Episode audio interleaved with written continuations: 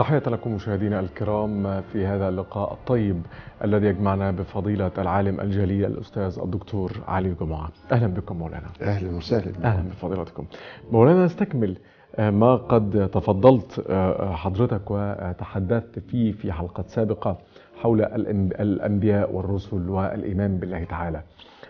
نستكمل الحديث حول الأنبياء والرسل. السؤال مولانا ما هي القوة التي أوضاع الله سبحانه وتعالى في الأنبياء والرسل بعد أن اصطفاهم وتحدثت بفضيلتك عن مسألة الاصطفاء والاختيار. ما القوة التي أودعها فيهم المولى عز وجل لكي يتمكنوا من تحمل مشقة الرسالة. لا يمكن أن نتخيل أن بشر يعرف أنه سيلقى في نار يعد لها هذا الإعداد ولا يجري ولا يفر خوفا على حياته. وهذه طبيعة بشرية خلقنا الله عليها. فبالتالي ما هو هذا السر في الأنبياء والرسل؟ بسم الله الرحمن الرحيم الحمد لله والصلاة والسلام على سيدنا رسول الله وآله وصحبه ومن والاه. نقلت إلينا حياة رسول الله صلى الله عليه وسلم كمثال متكرر من الرسل نقلا واسعا يجيب عن كل هذه الأسئلة لكن لم ينقل مثلها عن الرسل. فنحن نعرف ما الذي حدث لسيدنا النبي صلى الله عليه وسلم ونقيس عليه بقية الأنبياء. ولا نجد في ذلك غضاضة في الكتاب أو في السنة تمنعنا من هذا القياس. ما كنت بدعا من الرسل. يعني أنا منش مش جايب حاجة فيها بدعة يعني أو شيء جديد ليس على مثال سابق. بل إن موكب الرسل عليهم جميعا الصلاة والسلام كان متشابها.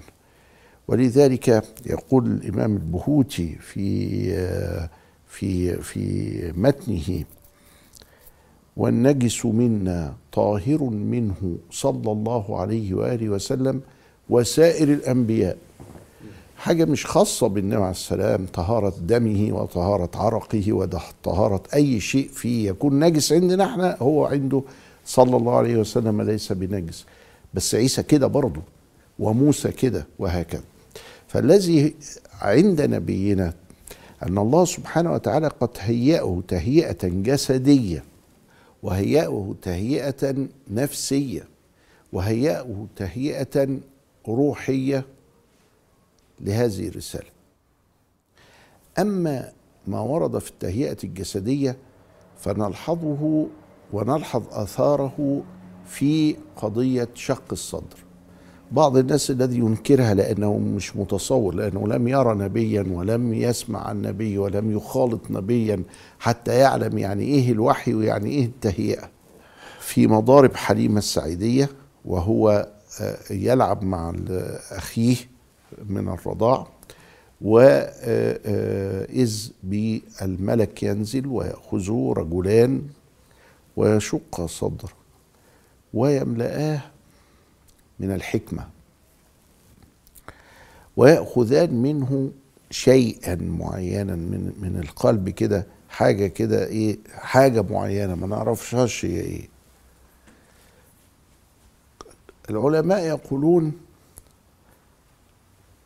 أخذ نصيب الرحمة التي كان يرحم بها الخلق أجمعين بما فيهم إبليس. يعني لو ما خدش الحتة دي كان يمكن قلب النبي رحم إبليس. وده وارد في روايات عن عن الرسل. وهقول لك بعضها الآن. فهو خد منه الحتة بتاعت إنه الله سبحانه وتعالى يعني غاضب على إبليس. فبلاش ما ترحموش. سيبوا آه أفتتخذونه وذريته أولياء من دوني وهم لكم عدو. بئس للظالمين بدل. فخلى قلب النبي صلى الله عليه وسلم من نصيب إبليس. هذا الشق الذي يملأ فيه حكمة ويملأ فيه نور ويملأ فيه كذا إلى آخره والطفل الصغير يرى صدره مشقوقا ويرى هذا موضوعا ويرى صدره بعد ذلك سليما. ده معناه أنه تهيئه للعقل البشري الخاص بسيدنا النبي لأن يتلقى ما دون المحسوس. ما في يعني دي حاجة ليست طبيعية دي كده. وليست في المنام. وأخوه راح يقول حليمة السعيدية هذا فأرجعته إلى أمه خافت إنه يكون حصل له حاجة تألف فيه مفيش حاجة. وهو شايف بعينيه واخوه شايف. ولذلك جاءت فوجدته ممتقعا وش اصفر من الخضة. يعني هو شايف إيه اللي بيحصل ده وإذ بهذا كله العملية دي تتم بلا ألم وتتم أمامه صلى الله عليه وسلم. فيبدأ من صغره أن يدرك أن خلف هذا المنظور الذي نعيش في أوساطه عالم غير منظور. وعالم هو عالم الغيب. ويتهيأ شيئا فشيئا لهذا العالم في صورة أنه يسمع الحجر في مكة وهو ذاهب إلى غار حراء وقبل النبوة يسلم عليه. تخيل وأنت ماشي كده سامع حد بيقول لك السلام عليكم. مين ده؟ محدش هنا. مفيش حد حواليا.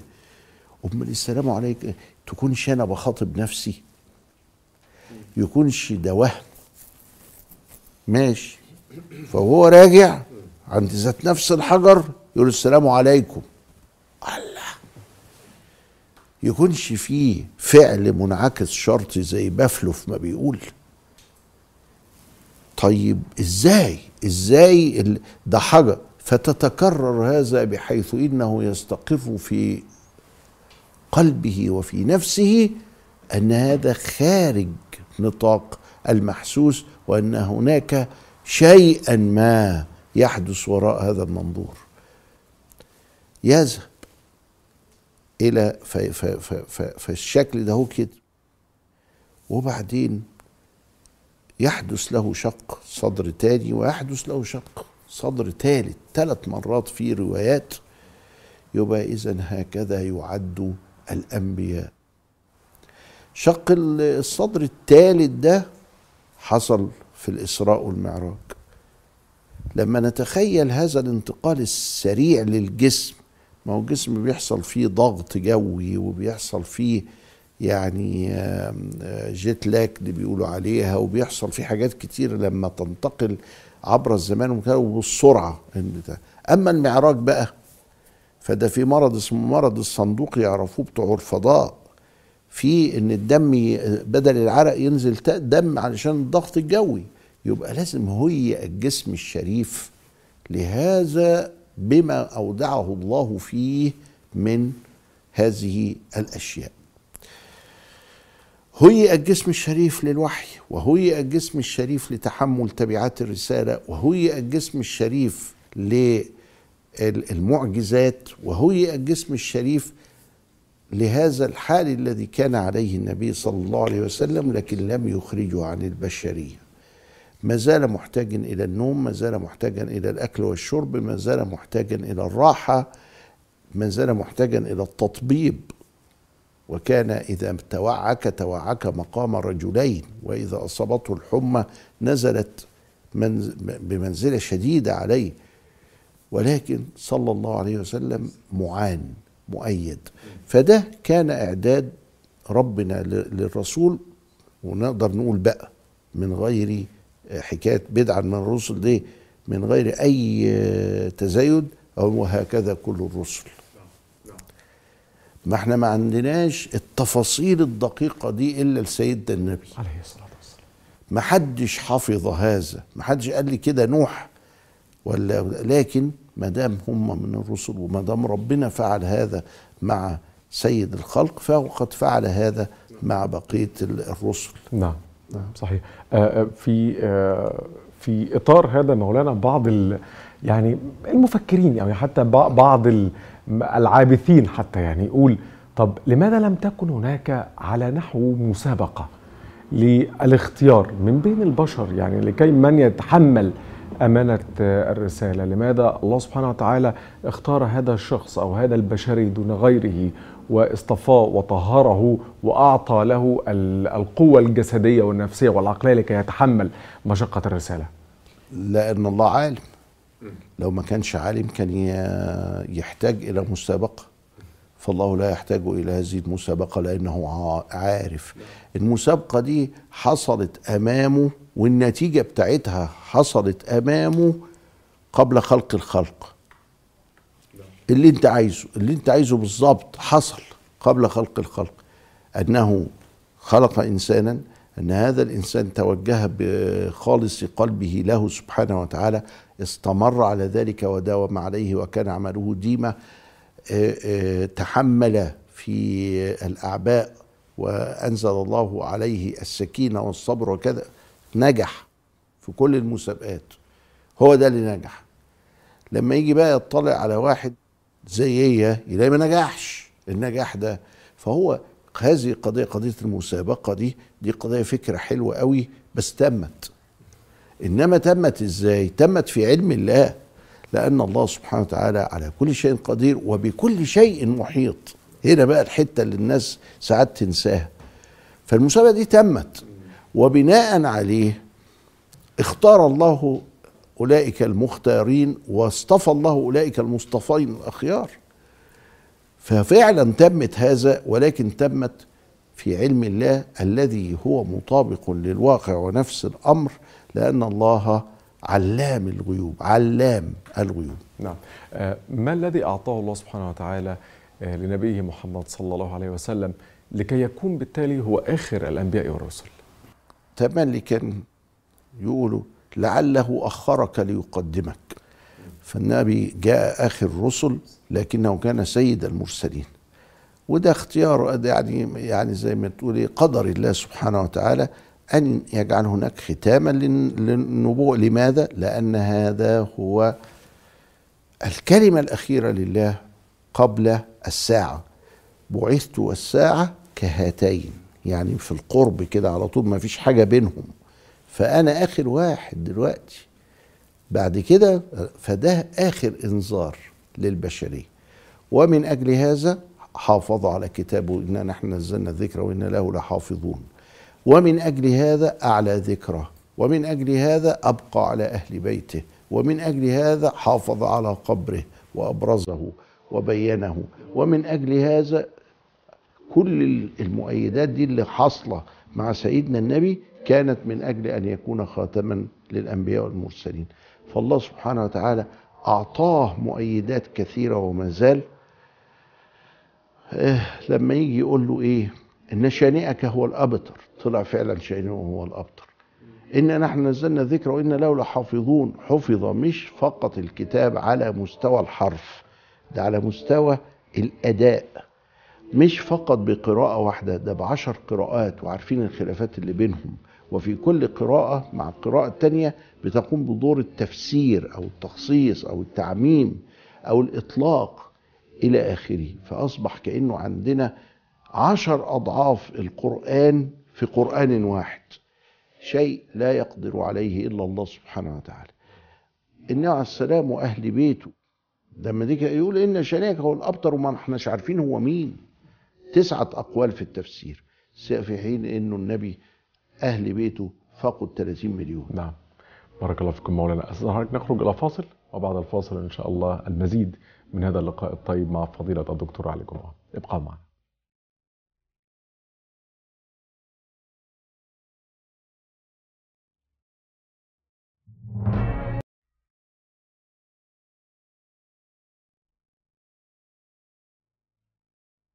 أهلا بحضراتكم مرة أخرى. مولانا هل يجوز يعني أن نسأل أنه لماذا لماذا كان سيدنا محمد صلى الله عليه وسلم آخر المرسلين إلى الأرض؟ خاصة أنه الرسول صلى الله عليه وسلم قال بعثت أنا والساعة كهاتين ولكن بالنسبة لنا هذه مدة طويلة وأزمنة طويلة. الله أعلم متى ستقوم الساعة. والبشرية الآن في حالة اضطراب ربما كان هذا الاضطراب أكبر مما كانت عليه في أزمنة سابقة لم يكن هناك هذا التقدم الهائل وهذه الأمور الغريبة التي نراها في هذه الفترة. فلماذا لم يكن أو لماذا لم يأتي هناك أنبياء بعد سيدنا محمد؟ لسببين. السبب الأول أن هذه الأمة الأخيرة هي أمة توحيد. ليس معناها أنها توحد الله فقط فهناك أديان أخرى توحد الله. ولكن لأن مفهوم الوحدة مفهوم عضوي في هذه الأمة. هذه الأمة تتوجه إلى قبلة واحدة. هذه الأمة لها قرآن واحد مش عدة قرآنات. هذه الأمة لها شهر صيام واحد. مفيش حد مش مش بعض الأمة بيصوموا رمضان وبعضهم بيصوموا شوال. هي شهر رمضان فقط. هي الكعبة فقط. هو القرآن فقط. الله واحد أحد فرد صمد فقط. فهي تعبد إلها واحدا. طيب والنبي بتاعها مين؟ أيضا واحد. شوف الوحدة. لأنها لها رب واحد وكتاب واحد وقبلة واحدة وواحد وشهر واحد و فهي لها نبي واحد. يعني إيه الكلام ده؟ يعني سيدنا النبي لو جه بعده أنبياء إيه اللي حصل في كل البشرية من لدن آدم وحتى بعثة النبي؟ حصل. أن آمن بعضهم وكفر بعضهم. فأمة محمد اللي كانت الصحابة فيها مية وعشرين ولا بتاع مية وأربعتاشر مية اربعة وعشرين يعني مية وعشرين ألف. أم عشرين هيصدقوا بالنبي الجديد ومية ما يتصدقوش. يبقى قسمنا الأمة. قسمنا الأمة رسميا يعني. فجه النبي اللي بعديه. المية دول منهم عشرين صدقوا بالنبي اللي بعديه وتمانين ما صدقوش. بقينا ثلاث فرق. والعشرين اللي صدقوا بالنبي الأول لازم يصدقوا بالنبي الثاني منهم عشرة صدق وعشرة ما صدقش. يبقى أمة واحدة إزاي بقى؟ وهو ده اللي حصل في الأمم السابقة. ختم النبوة متعلق تعلقا ذاتيا عضويا بفكرة وحدة الأمة. ولذلك لابد من ختم النبوة. حتى تبقى هذه الأمة أمة واحدة. فحصل خلاف. حصل خلاف في إيه بقى؟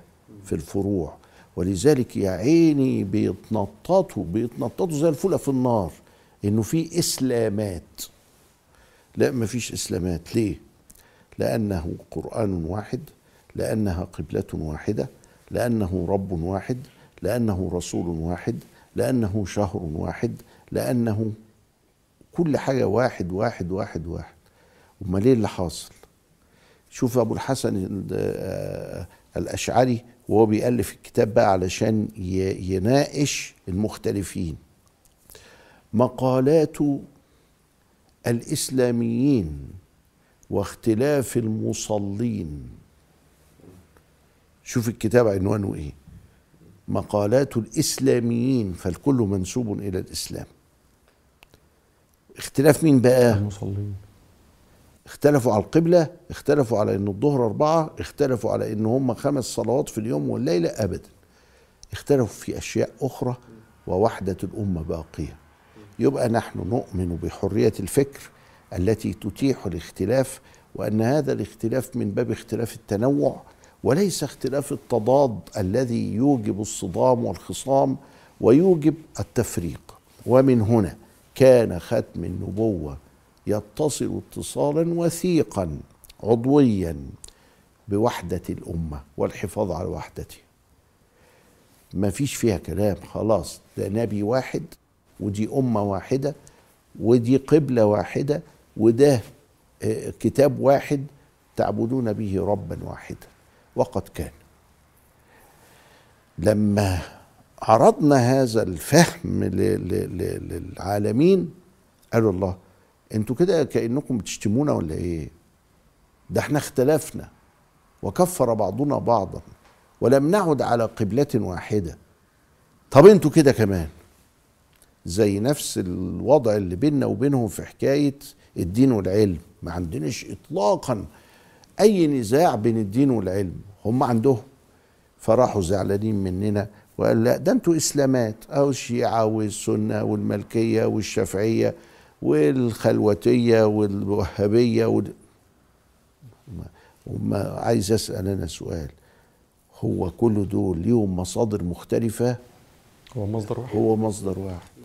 طيب هم ليهم قبلة مختلفة؟ طب هم ليهم نبي مختلف؟ ده بيثبت وده بيعمل. طب هم ليهم رب مختلف؟ طب هم ليهم صلاة مختلفة؟ طب ليهم صيام مختلفين؟ طب لما بيجوا يحجوا بعضهم بيحج لبيت المقدس وبعضهم بيحج للكعبة وبعضهم بيحج لليمن مثلا. إذا هم بيجيبوا حرية الرأي وما تولد عنها من اختلاف بالتنوع ويحملونها على إسلامات ويصمموا خاصة الجماعة الفرنسوية إسلامات ويحطوا لها إس. يا جماعة ما فيهاش إسلامات ولا حاجة ده هو إسلام واحد لكن له وجوه وتجليات مختلفة. ما يرضاش يصدق بكده علشان عايز يخلي راسي براسه وإنه زي ما حصل عنده المقلب الفلاني ده برضه حصل عندنا هو حر يعيش حياته. طيب مولانا ال- الضمانة بقى آه، كي تستمر هذه الدعوة إلى أن يرث ال- الله الأرض ومن عليها منذ 1400 سنة وإلى ما شاء الله حتى قيام الساعة. ما هي الضمانة أن تظل كلمة التوحيد وأن تظل هذه الدعوة وهذه الأمة قائمة وألا تختفي كما اختفت دعوات واختفت رسالات من قبل؟ إحنا عندنا قضيتين القضية الأولى البشرى. يقول رسول الله صلى الله عليه وسلم لا تزال طائفة من أمتي ظاهرين على الحق لا يضرهم من خالفهم إلى يوم القيامة. وده اللي خلى العوام يقولوا إيه؟ الخير في أمة محمد إلى يوم القيامة. ف دي بشرى أنه لا تزال طائفة. يعني هنفضل موجودين لغاية يوم القيامة وإحنا بنبلغ عن الله سبحانه وتعالى. ده من ناحية جانب البشرى. الجانب الثاني ما الضمانة؟ هو أن النبي صلى الله عليه وسلم تركنا على المحجات البيضاء ليلها كنهارها.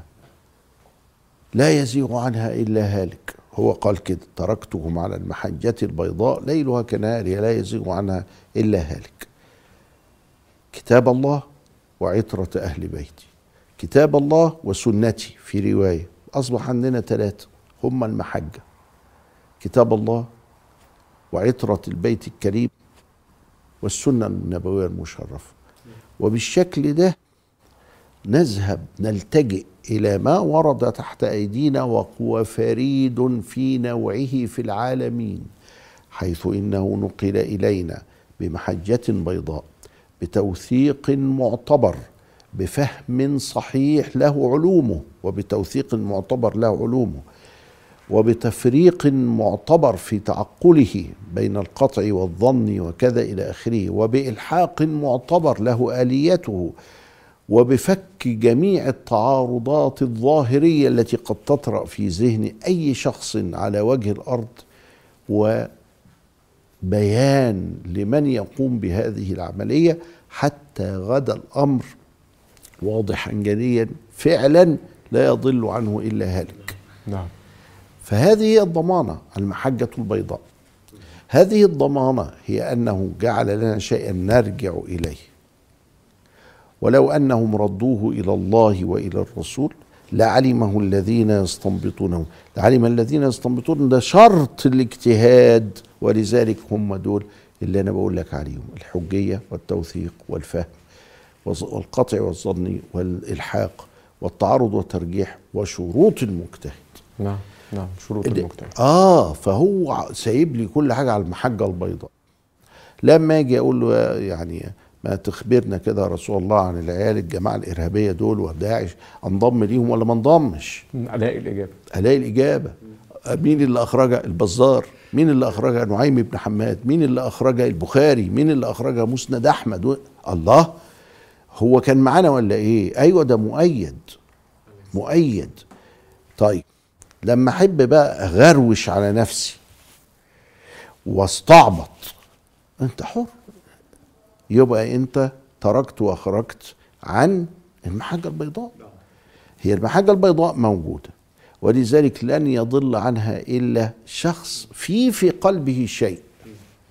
أما أنها واضحة واضحة جلية بينة أما الوصول إليها أسهل من شربة الماء البارد.